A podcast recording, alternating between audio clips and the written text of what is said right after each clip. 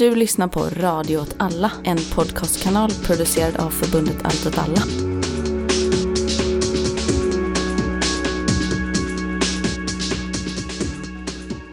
Hej och välkomna till ett nytt avsnitt av Rekreation. Det är jag Martin och, Jag, Kalle.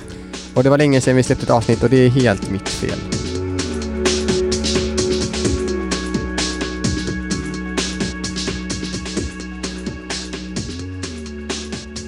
Men, men idag så ska vi prata om ett ämne som ligger oss extremt nära om hjärtat. Ja, proggmusik. Progg och musikrörelsen. Men, men för folk som känner oss kanske vet att vi är enorma proggfantaster. men även folk som bara lyssnar på den här podden tror jag kan ha snappat upp det. Jag tänker att vi har en lite proggig vibe. En så barn av proggare-vibe Ja, tänker jag att vi har. Gillar eh, världsmusik. Ja. Gillar 70-tal. Mm.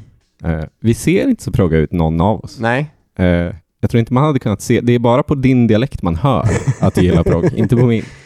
Det kommer liksom med Göta älv. Ja, i mitt fall så kommer det ju med blodet. Mm. Eh, jag är ju eh, uppfostrad, alltså om, om det ska vara en låt som liksom eh, jag kopplar tydligast till min barndom så är det en så väldigt, väldigt obehaglig låt av så 90-tals proggbandet eh, Hedningarna. Som är så pre- precis efter eh, proggrörelsen så, så fortsätter Silence skivbolaget att släppa progg liksom. Eh, och då, där finns det ett band som heter Hedningarna som sysslar med Mm. extremt obehaglig Ja, musik. den, eh, det finns ju skitbra låtar de gjort som börjar med motorsågar som jag Mm. älskade när jag var liten. Exakt. Ja, ja. men, men så det en, om man vill ha en väldigt spooky bild i huvudet så kan man ju tänka sig ett litet trollbarn i Västerbotten Jävligt som lyssnar på musik Hedningarna. Extremt skevt. Eh, men, Förklara så mycket om dig. ja. Och sen när det inte var det så var det Nationalteatern. Och, och sen har, har jag också lyssnat mycket på så internationell progg när jag var liten. Alltså, Mm. Men det är min farsa som Ja. är blues och hårdrocksentusiast. Jag missade den internationella proggen, men eh, jag är ju då från Göteborg. Ja. Men, men... Eh, Och, och barn till kommunister liksom. Ja, exakt. Men min mamma var, lyssnade, hon lyssnade inte så mycket på klassisk rock. Hon gillar ju klassisk musik. Men an, om hon Mm. lyssnar på annan musik som inte klassisk musik så är det argentinsk folkmusik eller progg. Ja. Så när jag växte upp så var det mycket så blandband i bilen, i den Ja. Volkswagen med typ Nationalteatern, Hull Bandoola Band och Nynningen. Och sen eh, Victor Jara eller Ja, något. lite så här, exakt. Och annat så. Ja. Eller klassisk musik. Men eh, så det, det fick jag ju med badvattnet. Men samtidigt om man... Eh, Nationalteatern hade ju också en revival på 90-talet i Göteborg.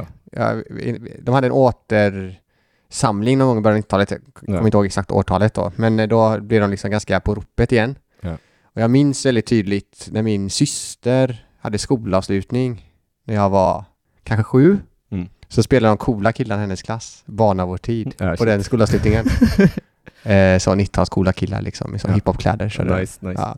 Så att eh, Nationalteatern har ju, och det tror inte jag är ensam om det, men Nationalteatern är ett sånt band som Även om man inte lyssnar, alltså även om man inte är sån proggskalle liksom, så är ändå Ja. Nationalteatern någonting som har funnits med i väldigt många millenniens i alla fall, Ja. uppväxt på något Ja, ja, sätt. gud. alltså att man lyssnar på de skivorna och så. Och, så. och sen också då att, som du var inne på, att eh, ja, med, för exempel ett band som vi kommer gå in på lite sen, är Proteatern, Mm. var ju nära eh, det maoistiska partiet SKP då, där eh, min pappa var aktiv. Och de bodde ibland hemma hos mina farföräldrar då. Så Ja. de var på turné i Göteborg. Så det finns väldigt nära Ja. kopplingar. Så. Ja, exakt.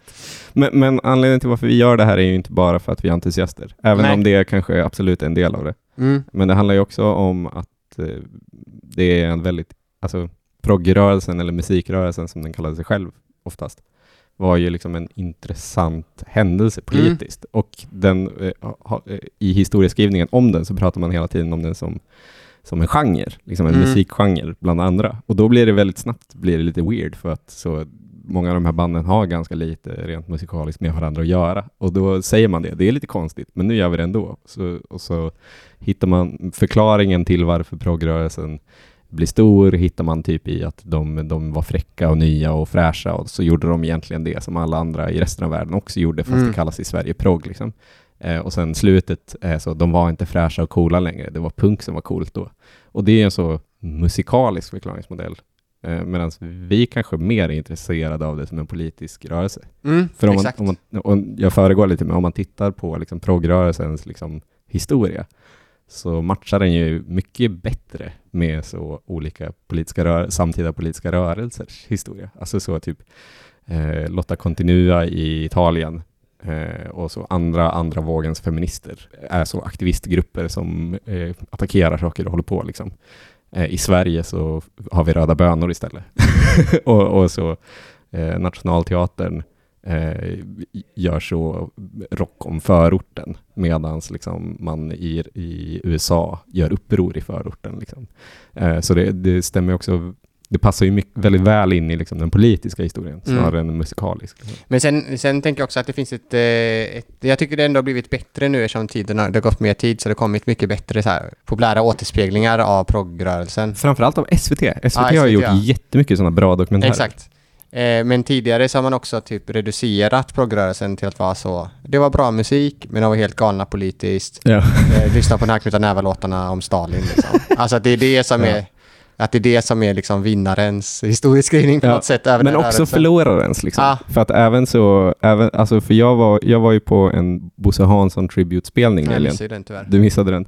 Eh, de satte upp eh, Bo Hanssons skiva Sagan om ringen från start till mål. Liksom. Har aldrig gjorts förut förut. Det här är första gången. Men, men då börjar ju den spelningen med att först så går ägaren av Folk och Rock upp. Och han är ju en så skånsk rockfarbror. Alltså jag gillar det ju väldigt mycket. Men, men de är ju som de är. Och, och, så säger han så, jag, jag är ju väldigt skeptisk till det här med politisk progg. Alltså det är det första han säger när han, när han ska presentera ett band som han tycker är bra, är att säga de är inte som de här dåliga banden. Eh, och det säger ändå någonting om liksom, hur mycket folk ser, ser ner på proggen. Liksom. Och, och hur bespottad ändå 10-15 år av svensk liksom, politisk historia har blivit. Liksom. Mm. Eh, och sen kommer, kommer gitarristen i bandet upp, som spelade i bandet Ragnarök, som också är ett sånt sent silence eh. Och är så, eh, jag förstår inte varför vi kallas progg liksom. Vi har ingenting gemensamt med Hoola Bandoola Band. Och man bara, du måste inte ta avstånd från det här. Det är helt meningslöst. Det här är så 50 år sedan. Mm. Eh, och alla i det här rummet vet att det är inte sant. Ni har jättemycket gemensamt. Samma distribution, eh, samma publik. Eh, ni betraktade varandra som samma genre eller som del av samma rörelse. Liksom. Och folk hoppade vilt mellan de här olika konstellationerna. Liksom. Mm. Så, det är bara, så jag, jag, anledningen till varför jag brinner för att göra det här avsnittet nu är mycket för att jag har triggats väldigt nyligen. och jag kan tänka mig att han eh, som sa det här säkert lyssnar på det här avsnittet. För om jag vet någonting om goa progg-gubbar är ju att de älskar att prata och lyssna på när folk pratar om progg. Mm. Och i så fall, inget personligt. Du var otrolig. Det var fantastiskt. Men just den grejen, du behöver inte säga det. Nej, men sen fanns det väl också eh, liksom politiska motsättningar. Eftersom det var en ja. dynamisk rörelse så fanns det ju politiska motsättningar mellan Exakt.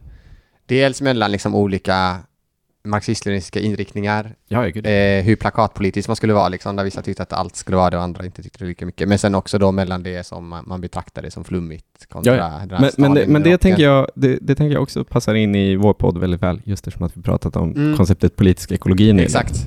Så där, där man just lägger fokus, inte på likriktning, utan just på hur saker som är direkt motsatta varandra eller så på olika sätt konfliktfyllda mot varandra ändå samspelar i en bredare politisk ekologi. Ja, precis.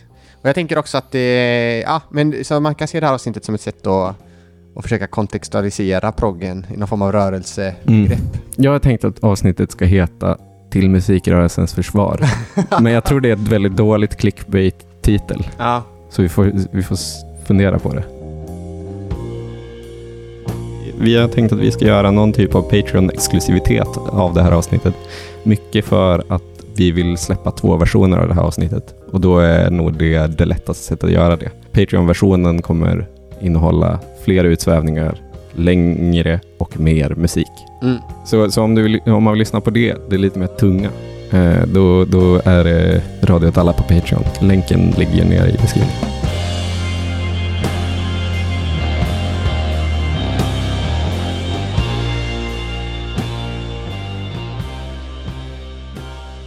Ja, vi, vi har diskuterat lite hur vi skulle liksom eh, närma oss det här eh, avsnittet. Ja. Och en sak vi tyckte var viktigt var ändå att kontextualisera progrörelsen och sätta den i någon form av historisk kontext. Mm. Och det som har hänt när progrörelsen liksom började växa fram i slutet av 60-talet, höll på till början av 80-talet kan man väl säga. Mm. När då punken kom och hade mm. samma distribution. Men det är en senare historia.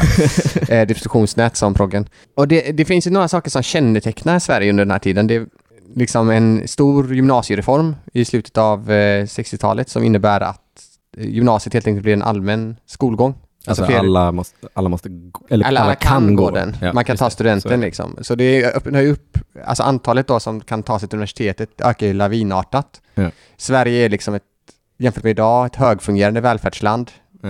Eh, även om många progglåtar säger det motsatta. ja, exakt. så kan man ju se så här i, eh, i backspegeln att ja, men det var ändå nog ganska Ja. fungerande. Så. Även om eh, avkommodifieringsgraden nådde sin peak 82 är det va? Exakt, 82 i Modernity Peak, det var då vi liksom fick mest betalt och jobba som minst. Ja.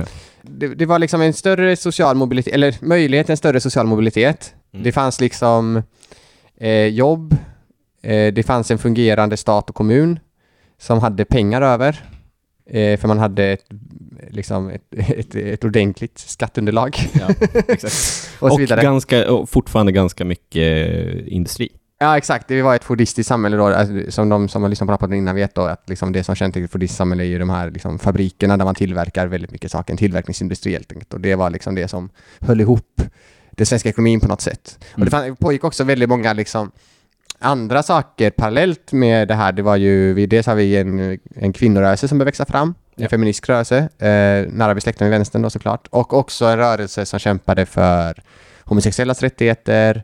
Det började så här fröna till en mer liksom större minoritetsrörelse för romer och sånt. Alltså all, Ja. allt det här började växa fram Ja. under de här åren. Och jag tror att man måste ha med sig det när man ska förstå en sån rörelse som progrörelsen. Nu har jag då ett exempel här vi kan, som vi kan utgå ifrån när vi pratar om det här och det är Göteborg. Ja. Jo, men det, jag, jag tycker det är toppen. För det är ju genom att sätta en stor nål på staden Göteborg så kan vi sen extrapolera ut på Exakt. annat. Liksom. Men eh, då kan vi, vi kan också börja med att säga då, Nationalteatern var ju ett band som nu för tiden är liksom väldigt förknippat med staden Göteborg, men det hade inte behövt vara så, för de startades i Lund, på en teater där. Och det, det är också intressant för att när jag pratat med din sambos mamma en gång Mm. för länge sedan så pratade vi om, om staden Malmö och hon var så, det är så sjukt att staden Malmö är så coolt numera. Ja, Eh, nej det var det inte då. Och på min tid så var det Lund. Nej men det var sån, eh, Malmö på 70-talet, eller ja, var en klassisk sån bara betongkloss av Ja. socialdemokrati, Ja. Där liksom alla gick till väldigt tråkiga jobb. Medan Lund var ball. Liksom. Ja, Eh, och, det är, och mycket av proggen kommer ju från Lund. Alltså så Ja. Hoola Bandoola och liksom stora delar av MNV som är ett sånt men det var, ja. Musikhögskolan låg ju där också. Exakt. Men i alla fall, Nationalteatern skapades i Lund. Eh, De eh, var på en teater där. Sedan så flyttade de sin verksamhet till en fritidsgård i Kiseberg. Och då innan dess hette de Gorillateatern och var i Kiseberg. Sen bytte de namn till Nationalteatern och flyttade till Göteborg. Och det roliga här med varför de flyttade till Göteborg, det var ju för att de bara hörde av sig till fritidsförvaltningen Malmö och var så här, hallå, kan vi få pengar för att göra ett teater för barn och unga för Ja. i Kiseberg och Malmö stad bara, nej nej, ingen idé. Så då drog de till Göteborg och jag skaffade en teater i, på Hisings Backa som då var en, som fortfarande är en förort till Göteborg kan man säga, på Hisingen. Där däremot så fick de skitbra kontakt med socialförvaltningen, socialnämnden, någonting sånt, Ja. som bara pumpar in pengar i Alltså så specifika tjänstemän.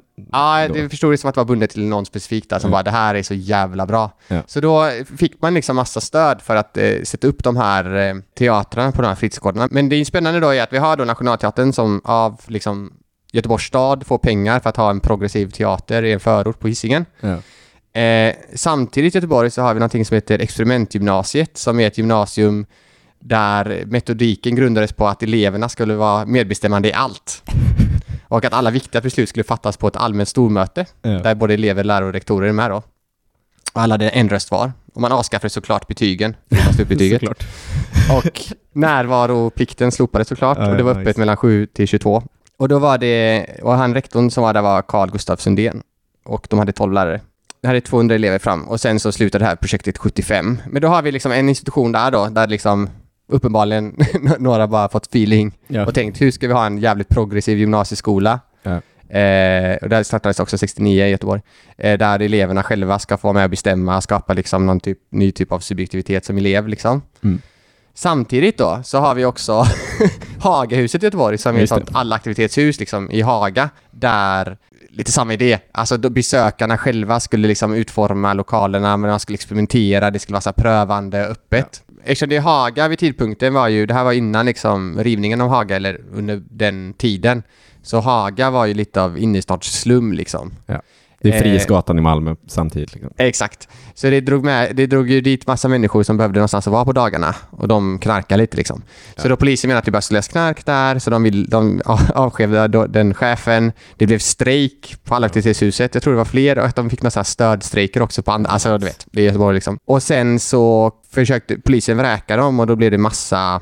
De ockuperade Nordstan i protest använde Östra Nordstan som ett provisoriskt Hagahuset. Allt det här pågick och till sist lyckades polisen vräka stället. Men som kompensation så får man ett nytt hus som heter Sprängkullen. Ja. Och i Sprängkullen, där ligger ju till exempel skivbolaget Nacksving Ja. som ger ut många av de här stora proggartisterna. Eh, Nationalteatern Nynningen och Motvind till exempel. Och är liksom ett nav för så här 70-talsvänstern i Göteborg. Ja. Och då ska man också tänka att okej, det här var liksom bara ett axplock av tre ganska så här stora offentliga, offentligt stödda institutioner som på något Ja. sätt liksom uppmuntrat till något nytt sätt att vara på Ja. i det här välfärdssamhället. Liksom. Men i Haga vid tidpunkten så var det ju också de här striderna kring att det skulle vräkas. Så det var ju liksom ett sånt område där det bodde väldigt många vänsteraktivister. Typ alla vänstergrupper hade ju egna lokaler. Max Engelshuset tillkom ju ungefär samtidigt på Ja. Tre Långgatan som är, vad är det, 300 meter från Haga. Och Marx Engelshuset är alltså ärrarnas Ja. lokal. Vi har Enorm. Victoriahuset där i närheten, jag kommer inte ihåg om det är ungefär, men det är ungefär samtida som också Ja. är enormt. Alltså, vad är det, och med de här förbundet kommunist hade en liten lokal, alltså alla fanns ju där. Så det fanns, det var som ett Göteborg, man kan ju förstå att det finns en väldigt bra grund för att ha en väldigt stor Ja. liksom progressiv rörelse och en eh, musik, musikalisk progrörelse när alla kan träffas på Sprängkullen. Ja. Och det här tänkte jag på mycket när jag läste om det här igen. Så här, damma av minnet, att det påminner om väldigt många begrepp vi har tagit upp. Ja. Dels då Lefko mentality såklart, alltså att det finns så här ändå, kanske inte på nationell plan, men ändå då de här lokala nämnderna eller tjänstemännen eller vad det nu Ja. kan vara, någon chef kanske, någon avdelningschef på liksom socialnämnden i Göteborg som bara får feeling, Ja. socialförvaltningen så. Men att då finns det ju på något sätt att offentliga går in och understöder liksom på något sätt eh, offentlig verksamhet som ska liksom fostra någon, typ, ny typ av subjektivitet, i det här fallet då liksom Ja. progressiva elever som tänker självständigt Exakt. eller utslagna och trasiga människor som själva har hand om eh, ett hus eh, eller bara en, en progg, progghak. Ja. Men att det ändå finns, men också att liksom i Haga och i på Sprängkullen, för det styrdes sen av någon förening som jag tyvärr har tagit namnet på nu. Och alla de här föreningarna eh, liksom lever ju på att ha de här billiga hyrorna, men de får också stöd från kommunen ofta. Eh, så det blir på något sätt en offentlig gemensam verksamhet också, där Ja. liksom kommunen går in och stödjer någon form av vänsterverksamhet i staden ganska Ja. aktivt, men den, de resurserna fördelas relativt- liksom. Den är också relativt öppen. Det går Ja. liksom på olika sätt att påverka och det går Exakt. att liksom sätta avtryck i sin, Mm. sin omvärld. Liksom.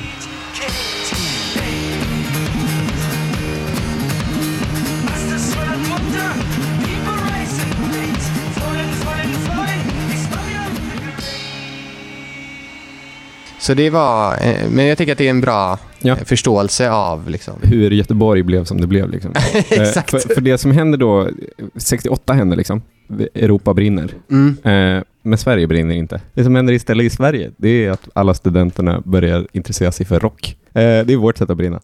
Eh, men men, men så, så det börjar bildas liksom så, det man i USA kallade för hippies och sådana saker. Börjar liksom, eh, börjar bli en subkultur i Sverige, men, men man eh, ser sig liksom inte riktigt som en del av den liksom internationella hippierörelsen, utan man behöver hitta ett eget uttryckssätt. Liksom. Och sen eh, 70 och 71 så hålls Gärdet-festivalen som är den här enorma proggfestivalen. Eller inte enorm, nu, alltså i jämförelse med typ Woodstock som är liksom föregångaren så är det ju väldigt litet, men det är ändå en stor grej och av någon anledning så är det jätte, jättemånga band där och de har jättekonstiga namn.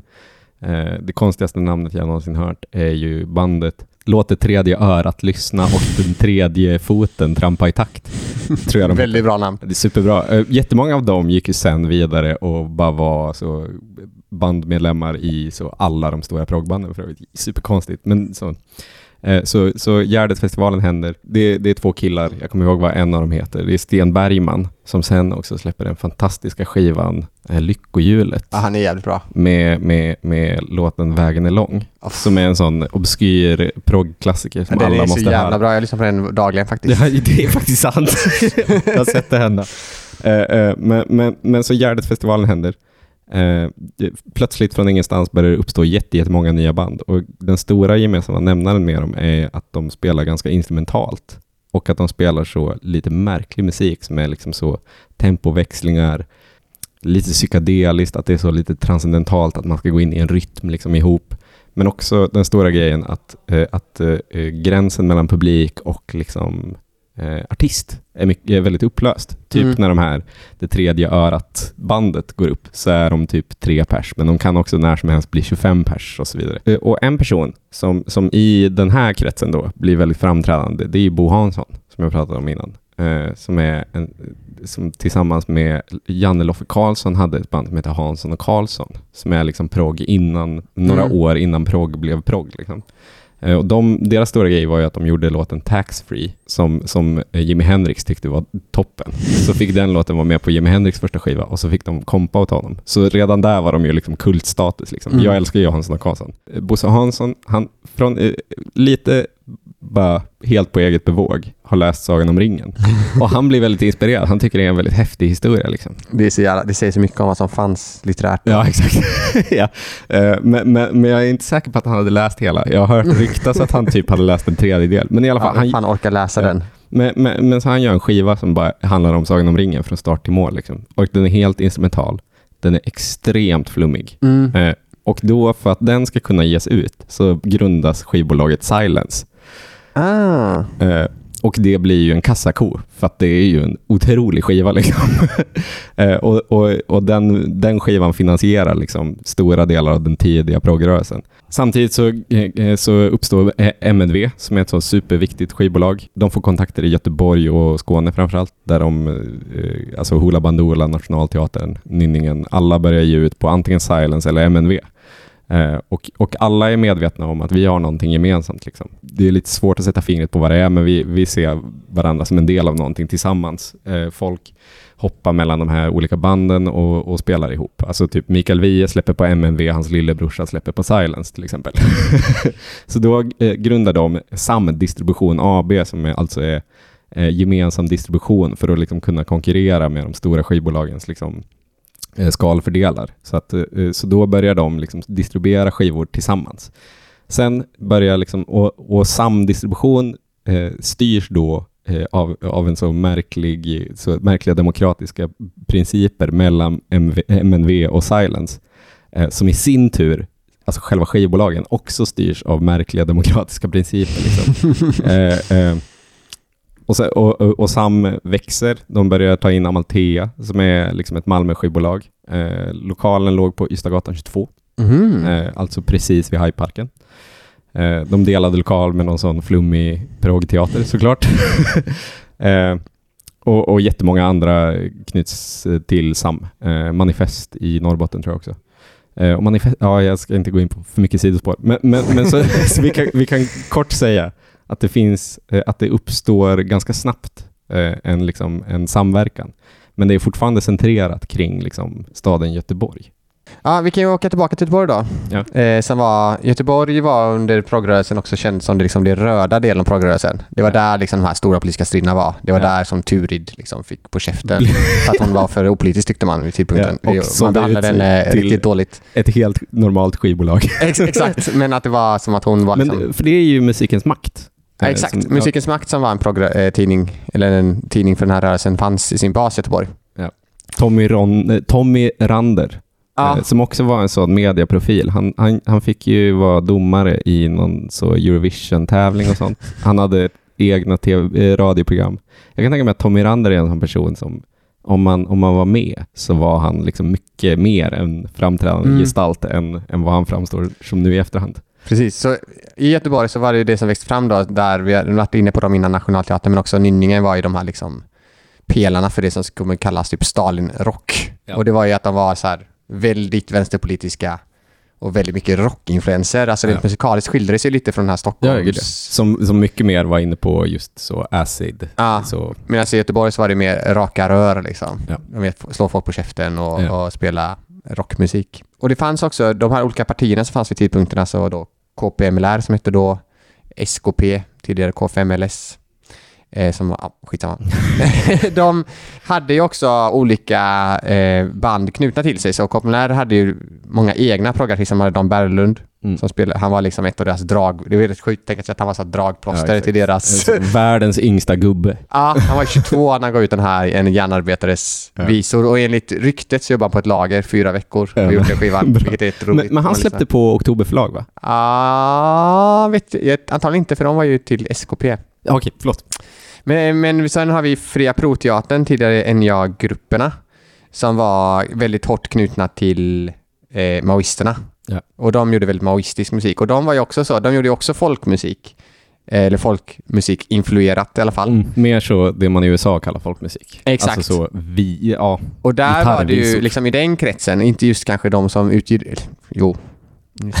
De som också utgjorde Fria Pro, men också hela den liksom rörelsen kring maoismen var ju väldigt mycket emot rock. Ja. Alltså de såg ju det som en degenererad avart av musik som kom liksom från USA, den Ja. stora fienden. Man ska också komma ihåg att vid tidpunkten så liksom flyger stenade amerikanska liksom, eh, marinsoldater helikopter och lyssnar på Whole Lot of Love av Led Zeppelin. Liksom. Så Ja. man fattar ju också föraktet. Liksom. Ja, exakt. Och skjuter ihjäl vietnamesiska barn. Ja.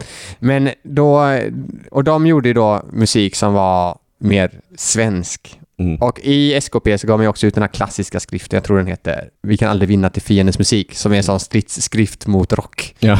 Så då var det mycket mer att man skulle spela svensk folkmusik och sånt som vanligt folk lyssnar på. Arbetaren liksom med stort A. Ja. Eh, och, det, och det är väl andra sidan av den här liksom Gärdet-festerna. Ja. Så var det den här ganska tråkiga, väldigt bra musik, men väldigt så här politiskt sett så var det väldigt mycket så här det positiva politiska var nog inte det de tänkte politiskt, utan Nej, mer det, konsekvenserna av det. Ja. För nynningen är väl också kopplad till ärrarna? Ja, Ja. lite grann tror jag. Men, Men- inte, riktigt, inte så uttalat som Nej. Dan Berglund eller Knut Näva var. Men, men, men för då, i då, hos nynningen så hittar vi ju en ganska tydlig liksom, historisk utveckling. Första skivan, det är det Manu- Mamogna med åren. ja, Ja. som är riktigt mycket mer flummig liksom. Den är ju helt störd. Det är den bästa skivan också. Ja, jag skulle säga att den bästa är liksom för full hals. Som Ja, jo, bara det är är, nog den bästa skivan, men den med många med åren är ju... den, är, riktigt bra. den är riktigt fet. Men, men, men sen efter det så, så blir de ju typ bara ärrar. Liksom. Mm. Men jag gjorde ju också väldigt många samarbeten med Nationalteatern och det hette Ja. Nationalteatern Nynningen och då gjorde de mycket kabarier. Ja. Så den här skivan, Ett barn är fött-skivan. Ett barn är fött är ju när de liksom ska ha en eh, protestteater mot eh, 100-årsjubileet av USA eller 60-årsjubileet av USA. Kan, kan inte räkna just nu. Men eh, mot USA liksom och så tar man den här ursprungsbefolkningen då i USAs perspektiv och sjunger om det. Att eh, eh, Totta Näslund sjunger att han är en indian.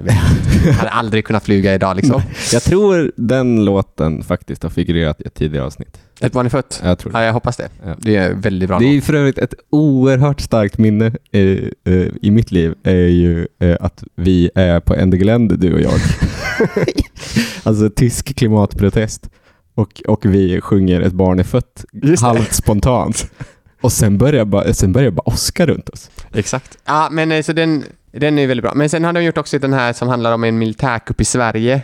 Ja, just det. Ehm, det kan inte hända här. Exakt, det är ju från en kabaré som de gjorde Nationalteatern. Ja. Eh, exempelvis. Så de, Nynningen Nationalteatern gjorde ju också, det var också teatergrupper på vissa sätt. Den här, eh, Alltså i huvudsak. Ja. Alltså det är väl det som är...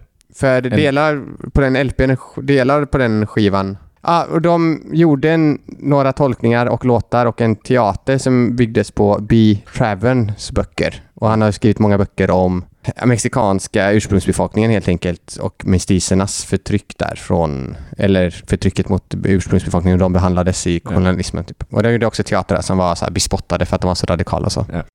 Ehm, Men för Nationalteatern var ju i huvudsak en teatergrupp. exakt. Det hör man ju i namnet. Ja, exakt. Och de hade ju sin bas där på de här, den här fritidsgården, eh, men gjorde andra teatrar också. Men då var de också en turnerande teatergrupp som åkte runt på fritidsgårdar. Och de här teatrarna de gjorde, jämfört då med eh, Nynningens, det var ju att de la ju väldigt mycket tid på att undersöka vad det var de skulle presentera. Så det var en deltagande teater på det sättet att de gjorde massa in- djupintervjuer med det det ska handla om. Som till exempel den här låten Ingelas sång Ja, bygger ju på intervjuer med eh, kvinnliga intagna på LVU-hem. Ja. Eh, Vilket man ganska tydligt hör. Eh, Eftersom, om, man, om man någonsin lyssnat på Ingela Sång av om man någonsin har Nationalteatern träffat någon Exakt. som har haft drogproblem.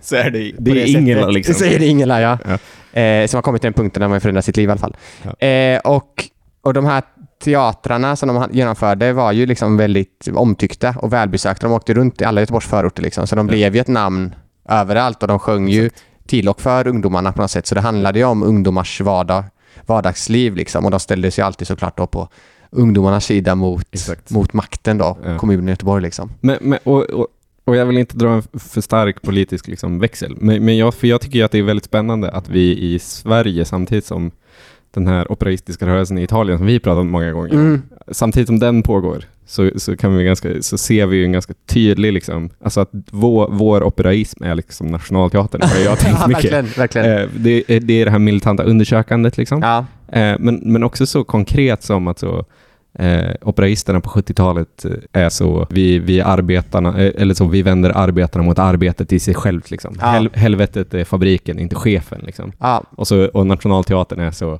vi ska riva varje förort liksom, ja. och men och- besegra hela stan. Precis, och, och den här generationella skillnaden då som kanske är det som liksom när fordismen börjar övergå till någonting annat. Ja. Alltså i många av texterna, typ som i Barn av vår tid, så är det så här de här föräldrarna hemma som bara jobbar eller bara sitter Ja, hemma, som inte är liksom involverade. Svenssons. Ja, precis. Som inte hänger med i liksom det som händer ute Ja, på exakt. gårdarna eller liksom på, um, i, på stan. Liksom. Utan att de lever i någon form av annan verklighet som de här Ja, ungdomarna upplever direkt. Där tinner och kriminalitet och Ja, exakt. ja, hasch liksom flödar. Men det är ju liksom en... Så man kan ju verkligen se Nationalteaterns pjäser som någon form av militant undersökningar som också fick så effekter. De säger själva så här varje gång de intervjuade typ några av dem så här att det alltid var så när de hade liksom, eller haft någon teater på någon fritidsgård så ringde liksom barnen från, eller ungdomarna från fritidsgården upp och sa så här, nu har vi stängt in alla fritidsledare, nu har vi ockuperat, vad ska vi göra nu? Så. Ja, så det, hade, det, fann, det, fann, det fanns ju så en radikaliserande effekt av Ja, ja.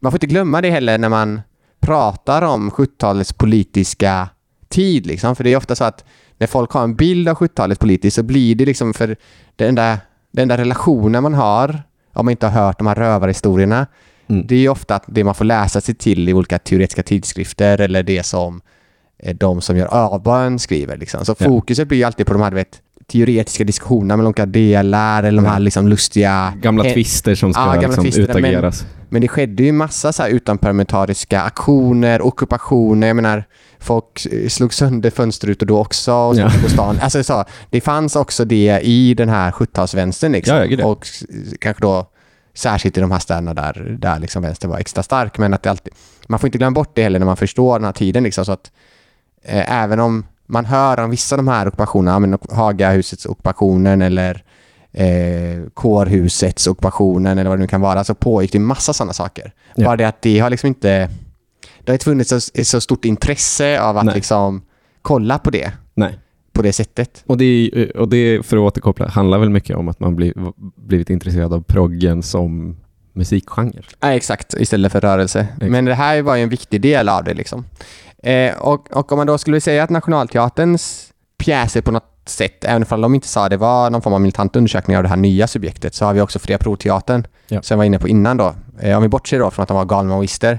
det, det är det här som är det bästa med Fria Pro, att de är det bästa exemplet på proggens flummighet, men också det bästa exemplet på den liksom likriktade stalinismen. Ja, för de var ju också en teatergrupp liksom. Eh, som var väldigt knutna, som jag sa tidigare, till SKP. Och de började med att göra någon så här Vietnampjäs som gick eh, skitbra. Och sen hade de ingenting att göra, så gjorde de någonting som heter Zigenarpjäsen. Det är vad de själva sa. Eh, och efter det så var det så här, nu ska vi liksom undersöka ett normalsvenskt industriföretag. Så då åker de till Norrbottens järnverk i Luleå. Och då eh, blir de intervjuade i Musikens makt eh, nummer 4, 73. Och då säger de så här. När vi kom upp till Luleå och började ringa runt arbetarna på verket och fråga om vi fick komma hem och snacka. Så man satt där vid köksbordet, det var då jag fattade. Och det slog ner som en bomb i oss. Här var allting, hela verkligheten. Gubbarna berättade och berättade och vi frågade och de berättade. Och det var bara att driva av hela rasket, hela scenförslag, göra låtar, ta av allt man lärt sig tidigare, gräva ur sina erfarenheter, ösa på och få fram så mycket som möjligt av allt det vi hörde. Så där är ju så här tydligt att man liksom åker till en plats med sitt lilla anteckningsblock, Ja. frågar en gammal arbetare på N- Norrbottens järnverk. Ja. Bara, hur är det att jobba här? Och så får de berätta liksom. Och det skapar då den här pjäsen som är skitbra LP-skiva där bland annat den här Balladen om Olsson är med. Som inte fick spelas upp i tv vill jag minnas. Ja, den... Nej, precis. Men den var ju en av de mest besökta pjäserna. Mm. Eh, eller inte en av... De gjorde en av Volvo-pjäsen. Det var den mest besökta pjäsen på Riksteatern. Ja. 71. Det är rätt häftigt. Ja. Och Sen gjorde de ju den här om Norrbotten, spelade de 110 gånger runt omkring i landet. Eh, så att de var ju väldigt stora också. Och det var ju ganska häftigt då att de blev liksom en eh, megafon för de här arbetarnas levda erfarenhet från Ja, de här ja. fabrikerna med en maoistisk eh, klang då Såklart. Men att det ändå fanns, liksom, att det var ett språkrör för dem. Att de liksom Ja. inte, jag kan tänka mig hur diskussionerna gick Ja. när de skrev de här låtarna. Ja. Absolut så. Men att det ändå var, grundtanken var ju så himla Ja, ja, fräck liksom. Ja. Men att de också var så här, det var inte som att de hade, de hade det också, men att de var och spelade på Dramaten, ja. Riksteatern, det var inga så här små ställen Nej, nej, liksom. gud, Och nej. att de var, att de här pjäserna då, framförallt den här om Norrbottens järn, kommer inte ihåg vad skivan heter, heter det Norrbottens järn kanske? Nej, Norrbottens järn är ett band. Ja, men är det inte skivan det också? Nej. Pjäsen om Norrbotten. Pjäsen om Norrbotten, just det. LO blev skitförbannade, Industriförbundet blev skitarga, verkstadsledningen på NJA blev, alltså Norrbottens Järn AB, Ja. blev skitarga och de fälldes i radionämnden. Ja. Och det sågades i pressen. Ja. Men det blev en skitstor publikframgång då, för att Ja, de fick exakt. så mycket uppmärksamhet också. Så det blev ju, det var inte bara så att, de liksom, det, att det var en liten grupp väldigt duktiga musiker som åkte, eller som liksom gjorde en ganska bra skiva, utan det var ju liksom som ett politiskt inlägg i en samhällsdebatt. ja gud. Hur är arbetsvillkoren på den här fabriken?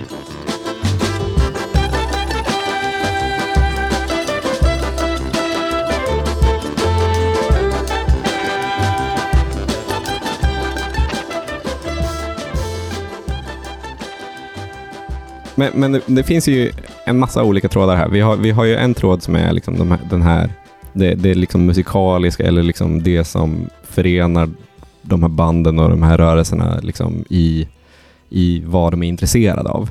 Och sen finns det det här eh, organisationsformsgrejen. Typ att NJA-gruppen är väl också enormt stor liksom, Mm. och, och har så vidriga möten som Precis, tar och det var ju samma sak med Nationalteatern. De hade ingen chef heller, utan Nej. det var ju också ett sånt stort kollektiv där man gärna tog beslut via konsensus liksom, Ja, exakt. och så vidare.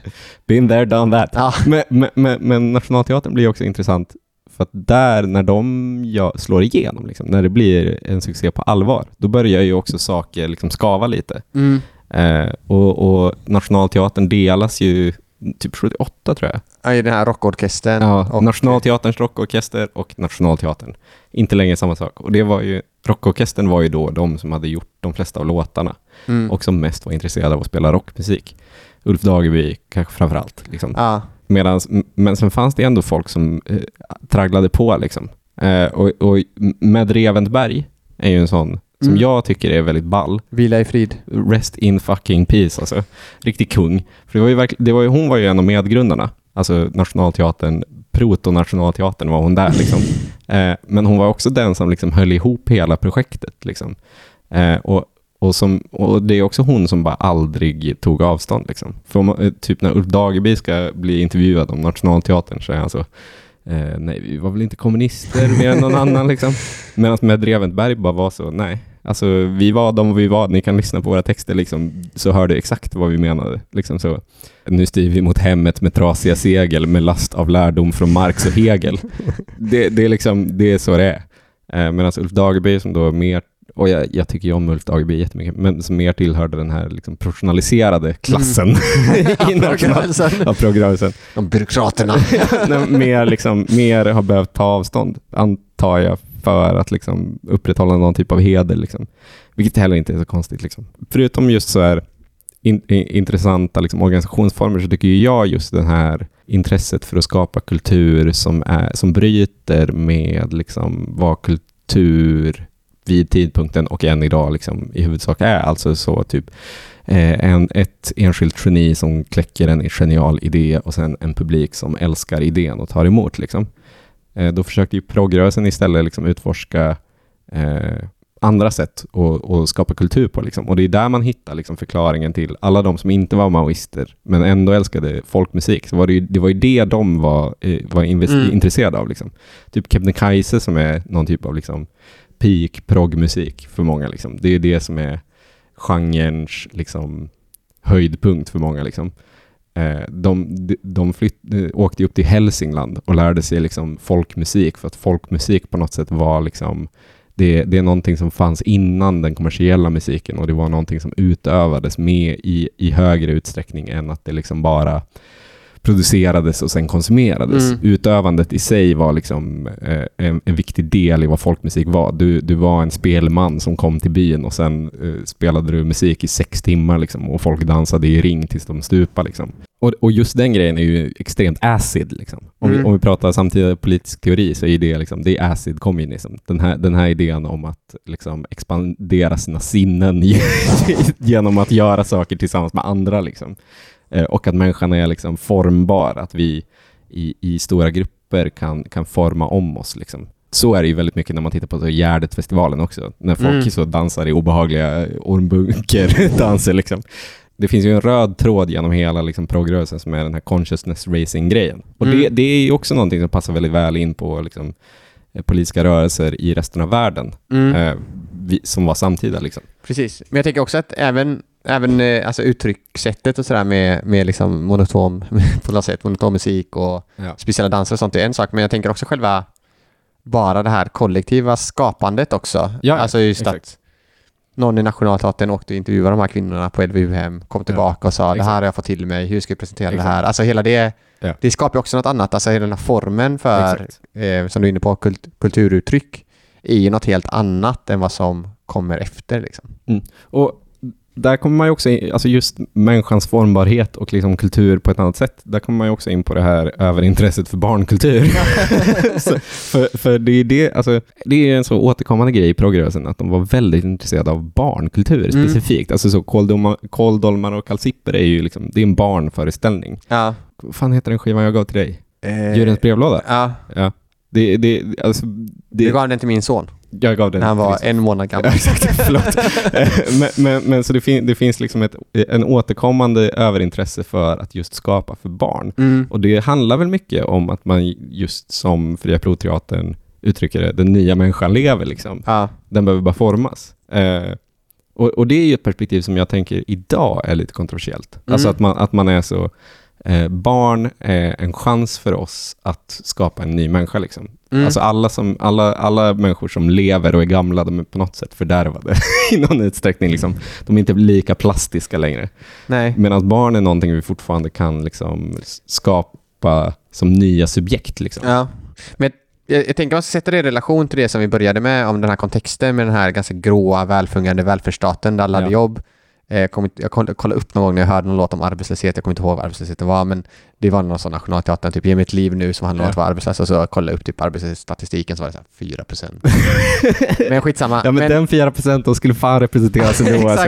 Men jag menar, det, det är liksom, jag tror man måste, man måste nog förstå det också som att det var ett uttryck för att försöka göra någonting gentemot den här gråa men ändå röda betongklossen. Liksom. Att det var, hur, vad är nästa steg, liksom, någon form av progressiv utveckling här? Ja. Vad, hur kan man få till typ, individuella uttryck i den här Ja, liksom, välfärdskollektiviteten? Typ, det här Ja. gråa Malmö. Liksom. Hur ska vi Ja. så här, förändra det gråa Malmö? Förutom om vi flyttar till Göteborg då. Men att det, att det liksom att man måste också- också förstå det i relation till varandra och att det är därför liksom det här växer fram när det växer fram på något sätt. Att det, Ja. de här förutsättningarna för en sån här rörelse bygger väldigt mycket på att det finns de här institutionella ramverken på något Ja. sätt som liksom skapar förutsättningarna för att, för att man ska ha de här tankesätten men också ha den här, kunna ha den här verksamheten och, och ha den här verksamheten. Ja. Och där kommer ju barnen in, alltså att det blir så här, det blir ju så himla tydligt. Om vi pratar om gymnasiereformen där, den var ju Ja. ganska sen liksom. Man har ett skolväsende som är ganska så här, gammalmodigt, katederundervisning. Ja. Och ser man så här, man är född typ 47 kanske, 48, 50. Ja. Och så är man så här, det här kan man göra på ett helt annat sätt, hur gör jag på ett helt annat sätt? Och då blir ju barnen så himla centralt Ja, gud ja. instrument. Och den är så jävla bra, kolla om man slipper på LP-skivan så kan man läsa på baksidan. Eh, om, om dina förskolepedagoger inte vill att du ska spela den här skivan så är de bara, jag kommer inte ihåg exakt formulering, men så är de bara papperstigrar. Det är bra. men det var det, det är väl det som är det mest jag sympatiska, både med den djurens brevlåda men också med Kolla om det är ju att själva tilltaget, även om det är väldigt så politiserat så, Ja. så är ju själva liksom uttryckssättet tilltaget väldigt riktat mot barn också. På något Ja, sätt. Alltså det är med ett barnperspektiv på de här frågorna. Ja, exakt. Bra exempel. Jag vet inte hur stor grej det var i Sverige, men, men internationellt, kanske framförallt i Danmark tror jag, så var, ju, var det ju en stor grej på 70-talet att bygga nya lekparker. eh, där man skulle bygga lekparker där, där barn kunde få styra själva. Så den, den här lekparken är bara ett slätt plan som ni nu ska få bygga ihop. Liksom. Det är lång, långt bortom svensk liksom, så. Ja, Standardiserade så långt bort man kan komma. Liksom. gummimattor. Men, men det var mycket så att man bara tog en ödetomt och så var man så, vi är en förening som nu har den här ödetomten. Kommunen är så, okej. Och sen kom de dit med hammare och spik och så var de, hej treåring, nu ska du sätta ihop en lekpark åt dig själv. men men det, det var ju mycket det perspektivet, alltså att, att låta barn forma, liksom, att, att låta barn göra saker själva. Mm. För att man på något sätt tänkte att, att man själv har blivit berövad på de möjligheterna. Ja. Liksom. Eh, och att man genom att ge de verktygen så skap, låter man den nya människan skapa sig själv. Liksom. Och medvetengöra dem om militärkuppen i Grekland. ja, exakt. Vad som hände i Vietnam. Och va, att man bör läsa Marx. Ja, vi, vi gjorde aldrig något, något löfte om att vi inte skulle håna progrörelsen, så nu gör vi det.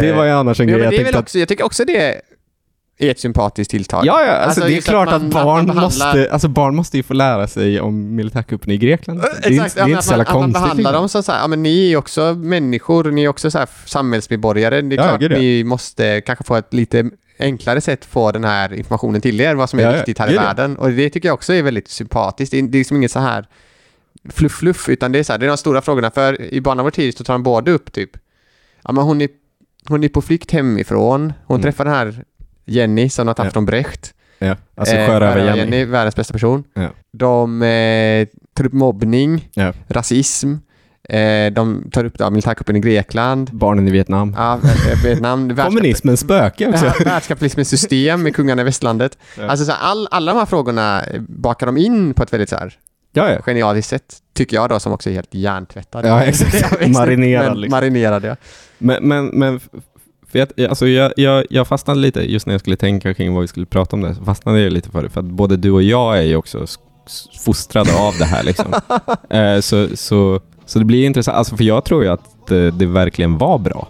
För Ja, ja. mig. Alltså, att det inte bara är att man är marinerad utan att det också på riktigt är... Jo, man gillar ju det, man lyssnar ju på det, man tyckte det var bra. Det var ju fett liksom.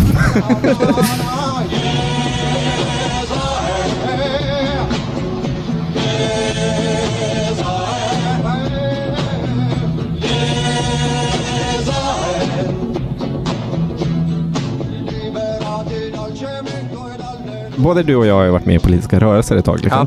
Man har ju varit med. Eh, man är väl, ved, väl, väl medveten om hur en politisk miljö fungerar. Liksom. Mm. Jag tycker att Turid är ett väldigt intressant exempel på progrörelsens liksom, begränsningar, Mm. men också liksom, vad som gjorde den till det den var. Liksom. För Turid var ju... Turid kommer in via Gärdet-festivalen. Hon är en så fantastisk musiker, fantastisk sångerska. Eh, alla älskar henne liksom. Det finns en jättebra dokumentär om henne på SR faktiskt, från 2011. Det visste inte jag. Så jag fick skicka till mig häromdagen. Fett. Av Eh, min kära sambo. den måste jag lyssna på. Men hon var med en, henne, hon slog igenom för att hon var med i en eh, liksom, musiktävling. Ja. Eh, eller hon började sin musikbana där. där hon var, det var så här 2000 personer med. Så var med och spelade en låt. Det var Trollmors vaggvis. Alltså det var något Ja. sånt. Och då vann hon den. Ja. Så det var där någonstans det började liksom. För. Men, men, men inom rörelsen så var hon liksom högt, högt ansedd som Mm. liksom en av de bästa och mest sympatiska på samma gång. Liksom. Ja, hon verkar fruktansvärt sympatisk Ja. faktiskt. Och hon släpper på Silence i början. Eh, och är liksom en del av flum, flummiljön kan man säga. Som, som från Göteborg möter vissa pikar men som också respekteras. Liksom. Men sen eh, kommer ju hon fram till att, att hennes målgrupp är för liten. Hon vill ju, hon vill ju tala till fler. Liksom. Eh, hon, vill, hon vill göra... Hon, det är inte så, om jag förstått henne rätt, så är det ju inte så stor, viktigt för henne att hon ska få ta mer plats, utan det är mer bara att hon vill eh, att liksom, budskapet ska komma ut. Liksom. Och då signar hon till ett större skivbolag. Jag tror det är Metronom eller något. Jag minns inte. Mm. Spelar ingen roll heller. Men då, då, blir, hon ju, ja, då blir hon ju fett uthängd i musikens makt I, i flera månader. Som Ja. skriver om, om olika, liksom, att hon har svikit. Det är också det som skapar liksom, många av de här brytpunkterna mellan Göteborg och eh, resten av rörelsen. Mm. Är ju för att då, eh, då kopplas hen, Turids svek, alltså att signa, signa till ett skivbolag som står utanför Samdistribution AB, kopplas ihop med liksom ett, ett, ett, en, en uppdämd frustration över att flummarna inte har politiskt medvetna texter utan gör instrumentaler eh, som är psykedeliska. Liksom. Eh, men jag, ty- jag tycker att just den den händelsen tycker jag är intressant för det är ju också på något sätt där proggen börjar gå mot sitt slut. Liksom. Mm. Eh, och det är i samma veva som Nacksving grundas. Ja. Nax och Hoola Bandoola går under. Liksom. För Nacksving är då, alltså Nacksving är ju, det är ju det röda Göteborgs eh, prog-skivbolag. Liksom. Ja. Eh, och det är där liksom, de röda banden fortsätter påta på. Liksom. Men det har inte alls samma liksom, experimentella liksom, eller så utforskande dynamik. Nej, men det följer, progrörelsen följer ju såklart ganska mycket 68-rörelsens utveckling. Alltså Ja. Från 68 så är det mer så här, det är rätt att göra uppror, Mao fet för han gör uppror. Och sen under 70-talet så blir det ju mer och mer det här, olika partier, små partier som splittras, Ja. Alla de här politiska striderna, Vietnamkriget tar slut, Ja. eh, vilket var en, slog ner som en bomb. Ja. Kambodja går in i Vietnam, slog ner Ja, som en bomb. Eh, så att det finns liksom massa sådana händelser som gör, eller också, eh, så här, den politiska mil- miljön runt progrörelsen som gör att också progrörelsen på något sätt vandrar samma ökenvandring eller börjar Ja. gå den ökenvandringen till slutet av, eller till början av 80-talet. Ja, men, men, men, men eh, för, för när man läst eller hört om den historien eh, så har man ju varit så, eh, oj, det är inte okej att eh, liksom, eh, vad heter det, förkasta Turid på det sättet. Liksom. För, också för att de skivorna hon släppte efter det är ju hennes bästa. Liksom. Ja. men, men, men, men sen jag också, för grejen med det är väl också på något sätt att en rörelse eller en politisk ekologi måste ju ha principer liksom, Ja. av något slag. Ja, men det var ju väldigt mycket i någon bemärkelse då, om vi bortser från det här offentliga stödet då, från eh, kommun och så, så var det ju ganska mycket do it yourself-rörelse liksom. Man skulle Ja. ha sina egna distributionskanaler, man skulle inte vara beroende av någon annan, Ja. man skulle liksom ha, föra fram sanningen om hur samhället var, man skulle föra Ja. de arbetslösa 4% talan och sådär. Alltså allt det där var ju en väldigt viktig grund för, och då tänker jag att alltså just gå över till ett, ett kommersiellt skivbolag är ju liksom på något sätt ett, att frångå de principerna som liksom på något sätt är kittet. Liksom Ja. Det som både förenar Gärdet, Flummarna och stalinisterna i Göteborg. Liksom. Att Ja. det är det som är, att vi gör det här själva. Det här är, något, det här är motkultur liksom. Ja. Eh, Men sen så kan man ju tänka sig också att hon gjorde det valet kan jag tänka mig att hon har även innan blivit hånad. Liksom. Ja, gud, ja. Alltså, för det är väl också det som är grejen. Att hon trycks ut lite grann. Ja, exakt. Men det är en, det är en intressant... man kan ju verkligen relata till Turid. En annan sån stor kvinnlig proggartist som jag gillar jättemycket är Maria Hörnelius. Ja, och hon, är ju, hon är ju definitivt en del av det onda proggen. Ja, men hon men galen också liksom, ashärlig. Galen ärare. Jag vet Ja. inte om hon fortfarande lever. Får hon kolla upp. Ja, Men Men hon, hon, är ju toppen. ja, hon är topp. Hon är hur grym som helst och har hur bra låtar som helst. Liksom. Men hon eh, var ju ändå på något sätt också verkade på de stora scenerna, var ett stort namn liksom. Ja. På något sätt i någon form av offentlighet också, Ja. utanför det här. Så att, ja. Ja, exakt.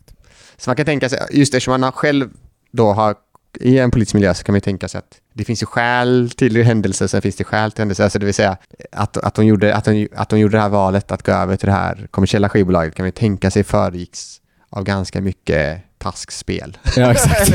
Och att det kanske handlar om andra saker än, exakt. än uttryckssätt och vad man väljer ut sin musik. exakt. Tyvärr.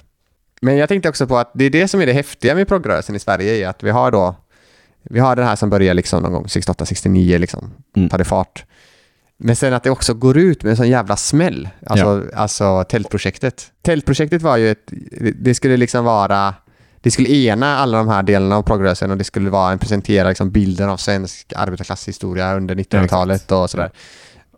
Och, de åkte runt i hela landet och de här fick frivilliga överallt som satte upp tält, alla stod där med liksom. För att citera eh, Sven Wollter som alltså var ansvarig för att sätta upp tälten. Mm. Alla kom dit och hjälpte till. Exakt. Eh, och det var... Varför var Sven Wollter ansvarig för tält? Nu så här i Han efterhand. bestämde det på några stormöten. exakt. Och det var i mitten av 77 då. Men då, och det är liksom på något sätt, det är ju inte slutpunkten, men det blir ju på något sätt liksom Ja. det stora liksom, det här är det sista vi gör. Ja, och det är ju att gå ut med en smäll liksom. Ja. För det är ju enormt. Ett enormt projekt. Och som har sett enormt mycket avtryck. Mm. Och det är generellt en grej man kan säga med progrörelsen är ju att det fostrade ju alla stora liksom, profiler i svensk offentlighet. Liksom. Ja. Eh, både direkt och indirekt. Mm. Min favorit prog tidbit är ju att Thomas Forsell, alltså han spelade någonting i Nynningen, Han var, det var även han som hade det här barnproggbandet Haikon Bacon. All, det var aldrig en del av min barndom, jag vet inte varför. Men han, han, han är ju såklart Gry Forssells farsa. bara, bara som ett roligt exempel. Men överallt så finns det liksom Ja. den typen av historia. Liksom, så enorm, jättestora, Sveriges största filmregissörer och sådana saker. Alla har de vid något tillfälle varit Nuddat där liksom, ja, eller varit en del av det. Ja, exakt. Också ganska ofta varit liksom lite yngre än den generationen som är liksom det man tänker är proggrörelsen. Men det tänker jag också att om man är så kreativ person på något sätt, nu säger jag inte att det kanske är därför man är, blir känd sen, men även om man är en kreativ person och vill skapa saker så är det här en rörelse som man antagligen skulle hålla sig väldigt nära liksom. Just Ja. för att det är det här dynamiska, det händer massa saker, folk gör saker själva, Ja. man försöker förändra världen samtidigt. Så där. Det finns ju massa sådana saker som Ja, såklart blir som en eh, liksom, fågel eller myggfälla liksom, för sådana människor. Jag har lyssnat på mycket olika poddavsnitt där man pratar om progg vid olika tillfällen. Jag har sett mycket dokumentärer om progg. där, där, där, Kan du frågan, ha sett alla? ja, där, där frågan lyfts. Vad är egentligen progg idag? Den, den frågan har ställts tusentals gånger. Och varje gång har jag tyckt att svaret är så jävla dåligt alltså. Ja. Men, men också att sva- eh, svaret, eh, svaret eh, blir, eller så, och det är ju en jävla dålig fråga liksom. Mm. För att det, det är helt omöjligt att svara på. Eftersom att proggen var en 100% kontextuell sak. Exakt, Det- det, precis. Jag tänker att det var den, generation, den generationens musikaliska uttryckssätt Ja. på något sätt. Och att det går inte att plocka ut i den kontexten. Nej, Men om vi ändå ska göra det och ändå ställa oss frågan, vad är progg det är idag? väldigt svårt att tänka sig att det finns musik som på något sätt då... Det finns ju såklart musik som liksom ämnar att på något sätt omstörta samhället och förändra det och så. Det, är, eller det finns spår av det i alla fall i många Ja. olika genrer. Men det är väldigt svårt att tänka sig att den här liksom kollektiva skapandet som vi ändå Ja. säger på något sätt är förknippat med proggen, det här liksom principerna, hur man gör det, alltså det Ja. här konsensusbeslutsfattandet, idén om att man ska liksom ha egen distributionsnät, egna tidningar, alltså allt Ja. det, det känns som att för även punkrörelsen då som mycket använde proggens infrastruktur när den började växa fram i Sverige hade ju också gemensamma punkter, särskilt i Stockholm liksom. Och Ja. till viss del i Göteborg också. Det var ju aldrig liksom på samma sätt på något sätt. Nej, för det, det som skiljer, alltså det som så tydligt skiljer proggen från punken är ju att och det, det är ju ett återkommande tema i hela världen, att så, där man är så counterkultur-grejen gick och blev punk liksom. Men Mm. det är någonting som har hänt där liksom. Och det är ju att proggen ville ju skapa en ny människa liksom. Ja, Eh, Medan punken befann sig i en samtid där det var liksom otänkbart. Det är Ja, över den liksom. nya- Det finns ingen framtid liksom. ja precis. En ny future-grej. Men det är väl också så att Och det är samma med hårdrock, alltså så om du, för liksom progressiv rock, det det gick och blev var ju typ Black Sabbath, som Ja. är mitt favoritband liksom. Och det är ju bara så, det är, allting är över, det är kört liksom. Ja, men det är väl också för att då punken, när den vä- växte fram under 80-talet, liksom, då var ju också i Sverige, i en svensk kontext, så var ju Dels så var ju den svenska välfärdsstaten då, även om kommunifieringsgraden var så hög, eh, eller avkommunifieringsgraden var så hög, var ju liksom välfärdsstaten på väg bort. Det är en enorm motoffensiv från högern. Alltså det är det postpolitiska samhället som växer fram och det är subjektskapet som är då, och då är det den här yuppien, liksom, det är då entreprenören börjar liksom bli ett subjekt. Ja. Så mot, motkulturen mot liksom det rådande är ju inte längre vi ska utveckla den här välfärdsstaten. Nej. Nu har vi koll på jobben, nu ska vi bara fixa så att vi har mer demokratisk kontroll över jobben eller eh, vi kan skapa kultur på ett nytt sätt. Utan nu är det helt plötsligt att hela samhället liksom har omformat sig på ett sätt som gör att motkulturen måste ha andra mål. Liksom. Och då är det väl upplösandet av detsamma snarare. Ja.